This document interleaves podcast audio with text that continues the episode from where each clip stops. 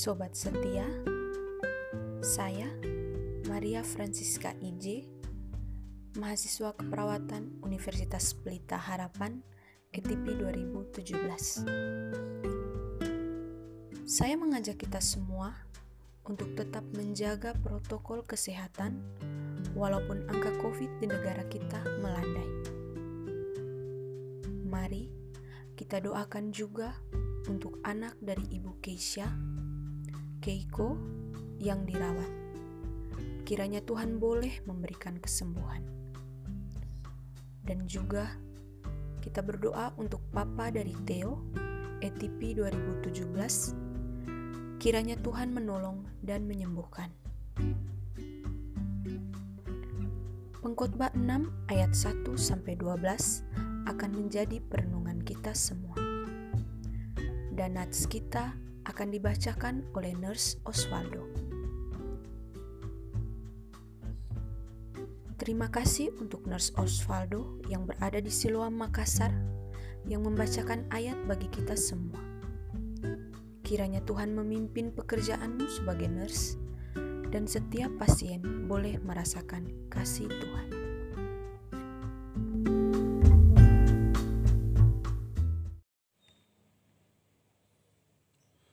Pengkhotbah 6 ayat 1 sampai 12. Ada suatu kemalangan yang telah kulihat di bawah matahari yang sangat menekan manusia. Orang yang dikaruniai Allah kekayaan, harta benda dan kemuliaan sehingga ia tidak kekurangan suatu pun yang diingininya. Tetapi orang itu tidak dikaruniai kuasa oleh Allah untuk menikmatinya, melainkan orang lain yang menikmatinya. Inilah kesia-siaan dan penderitaan yang pahit. Jika orang memperoleh seratus anak dan hidup lama sampai mencapai umur panjang, tetapi ia tidak puas dengan kesenangan, bahkan tidak mendapat penguburan. Kataku, anak gugur lebih baik daripada orang ini, sebab anak gugur itu datang dalam kesia-siaan dan pergi dalam kegelapan dan namanya ditutupi kegelapan. Lagi pula, ia tidak melihat matahari dan tidak mengetahui apa-apa. Ia lebih tentram daripada orang tadi. Biarpun ia hidup dua kali seribu tahun, kalau ia tidak menikmati kesenangan, bukankah segala sesuatu menuju pada satu tempat? Segala jeripaya manusia adalah untuk mulutnya, namun keinginannya tidak terpuaskan. Karena apakah kelebihan orang yang berhikmat daripada orang yang bodoh? Apakah kelebihan orang miskin yang tahu berperilaku di hadapan orang? Lebih baik melihat saja daripada menuruti nafsu. Ini pun kesia-siaan dan usaha menjaring angin. Apa pun yang sudah ada, sudah lama disebut namanya dan sudah diketahui siapa manusia, yaitu ia yang tidak dapat mengadakan perkara dengan yang lebih kuat daripadanya. Karena makin banyak kata-kata, makin banyak kesia-siaan. Apakah faedahnya untuk manusia?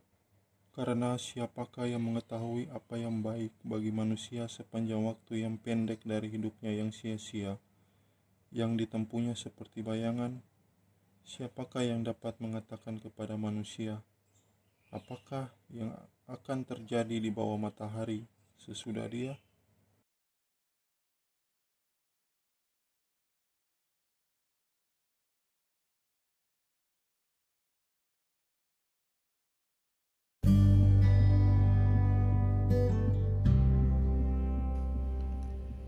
Terima kasih sekali lagi kepada Osvaldo yang telah membacakan nats buat kita dan juga Ansi yang telah membuka podcast kita. Tema kita hari ini adalah peran Allah. Dan mari kita berdoa. Tuhan Yesus, biarlah perenungan kami hari ini memberikan pemahaman dalam hidup kami untuk bagaimana kami hidup di dalam dunia ini untuk Tuhan. Demi Kristus, amin. Sobat setia, kalau kita pernah memperhatikan setiap orang pasti pernah mencari yang namanya kebahagiaan dalam dunia ini. Meskipun kita tahu, di podcast yang lalu kita diingatkan bahwa kehidupan kita dalam dunia ini pendek alias singkat. Tetapi manusia tetap mengejar yang namanya kebahagiaan. Semua orang ingin bahagia. Tidak ada orang dalam dunia ini yang justru mengejar kemalangan. Karena apa? Tidak usah dikejar saja kemalangan itu sering kali kita merasa datang, datang, dan datang dengan sendirinya. Nah, kalau kita mengejar kebahagiaan, apa sih yang ingin kita dapatkan supaya kita benar-benar merasa bahagia? Kira-kira apa? Pacar? Atau hmm, tebakan saya adalah kita semua pernah dan mungkin dan memikirkan bahwa harta itu bisa membuat kita bahagia. Dan saat ini mungkin kita sedang mengejar itu. Demi apa? Merasakan kebahagiaan. Well, itu tidak salah. Tapi pertanyaannya adalah, berhasil tidak kita mengejar itu? Mungkin yang masih studi di font memikirkan, aku akan coba. Yang sedang profesi, yang sudah selesai menjadi alumni, dan kita yang sedang bekerja, mungkin akan memberikan jawaban yang beragam. Namun perhatikan, di ayat yang kedua, di nats yang kita baca. Ternyata kekayaan itu adalah anugerah dari Tuhan. Bahasa saya adalah bonus dari Tuhan untuk kehidupan ini. Dan kalau yang namanya bonus itu tidak bisa dikejar. Dan bonus itu yang Tuhan berikan ternyata membuat orang itu hidup tidak berkekurangan apa pun. Luar biasa yang muncul di ayat yang kedua. Dan di sini kita melihat ada satu prinsip bahwa silahkan kita ibaratnya kejar kekayaan yang dunia tawarkan, tapi percayalah dan yakinlah kalau Allah tidak mengizinkan kita memiliki bonus itu, kekayaan itu, maka sekuat apa pun kita mengejarnya, Sekali lagi, kalau Allah tidak mengizinkan, maka semuanya itu akan sia-sia. Di sini kita melihat bahwa peran Allah yang mungkin selama ini kita lupa atau belum tahu, bahwa itulah peran Allah memberikan bonus kepada kita. Dan selanjutnya bukan saja itu, tetapi kalau kita diizinkan memiliki kekayaan, dan selanjutnya Allah tidak mengizinkan kita untuk menikmati kekayaan itu, maka kekayaan itu akan dinikmati oleh orang lain. Wow, menjadi satu hal yang ternyata setelah diberikan, Allah harus memberikan juga izin untuk menikmati. Dan inilah peran Allah yang mungkin kita benar-benar perlu sadari dalam kehidupan kita. Bahwa kalau Allah tidak mengizinkan kita untuk menikmati maka sekaya apa pun seseorang yang memiliki kekayaan tidak bisa menikmati kekayaan itu. Semua akan berasa hampa. Dan kalau hal itu terjadi dalam kehidupan umat manusia, maka pengkhotbah mengatakan sia-sia penderitaan yang pahit atau kemalangan orang yang hidup di bawah matahari. Kenapa? Kaya tapi tidak bisa menikmati. What for? Untuk apa? Sudah berjerih lelah, setengah mati, tidak bisa menikmati hasil dari segala pengajaran kita.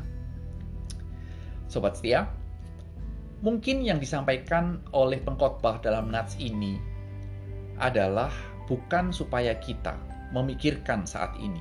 Lalu bagaimana supaya saya bisa dipercaya, memiliki kekayaan dan saya bisa menikmati? Meskipun ayat itu mengatakan seperti itu, tapi mungkin bukan itu fokus dari pengkhotbah. Tapi ini adalah satu hal yang menggelitik, satu hal yang seharusnya menyadarkan kita dan kita harus memikirkan apa yang mau disampaikan. Secara implisit, kita bisa menemukan bahwa pengkhotbah mengajarkan bahwa baik kondisi kaya atau super kaya atau sehat sakit, kalau kita hidup di luar Tuhan, maka semua akan sia-sia dan kepahitan yang terjadi dalam dunia ini dan hidup kita. Namun sebaliknya, ketika kita merasa kondisi kita merasa saya orang terlantar sedunia, saya merasa orang termiskin, saya merasa orang yang ter ter ter sedunia. Tapi hidup kita nempel kepada Tuhan dan seharusnya kalau hidup kita nempel kepada Tuhan tidak seperti itu, maka kita bisa melihat bahwa Tuhan berperan dalam kehidupan kita. Sehingga kita bisa menikmati segala kondisi kehidupan ini dengan rasa syukur kepadanya dan bukan keluhan. Saya pikir itulah yang ingin disampaikan oleh pengkhotbah. Bahwa situasi dalam dunia yang sering kali membuat kita nempel kepada apa yang dalam dunia akan menghasilkan kesia-siaan. Padahal semuanya datang dari Allah. Dan itulah yang juga dituliskan oleh Yohanes 15 tentang Yesus pokok anggur yang benar. Bahwa setiap orang yang nempel kepada pokok anggur dalam hal ini adalah Tuhan Yesus, maka sukacita dan kenikmatan itu bisa dinikmati dalam hidup orang itu. Karena apa? Semua yang ada dalam hidup kita datangnya dari Allah. Dan itulah peran Allah yang harus benar-benar kita sadari. Sobat setia, ketika kita merenungkan nats ini, itulah peran Allah dalam hidup kita. Dia mengasihi kita, dia juga memberikan yang pantas kepada kita dan yang tepat bagi hidup kita. Yang pantas dan yang tepat tidak selalu berkaitan dengan harta. Karena justru mungkin ketika kita menjadi kaya, kita akan terjerumus ke dalam berbagai macam dosa. Inilah perenungan kita. Dan selamat hari Jumat, selamat menikmati peran Allah dalam kehidupan kita. Tuhan memberkati.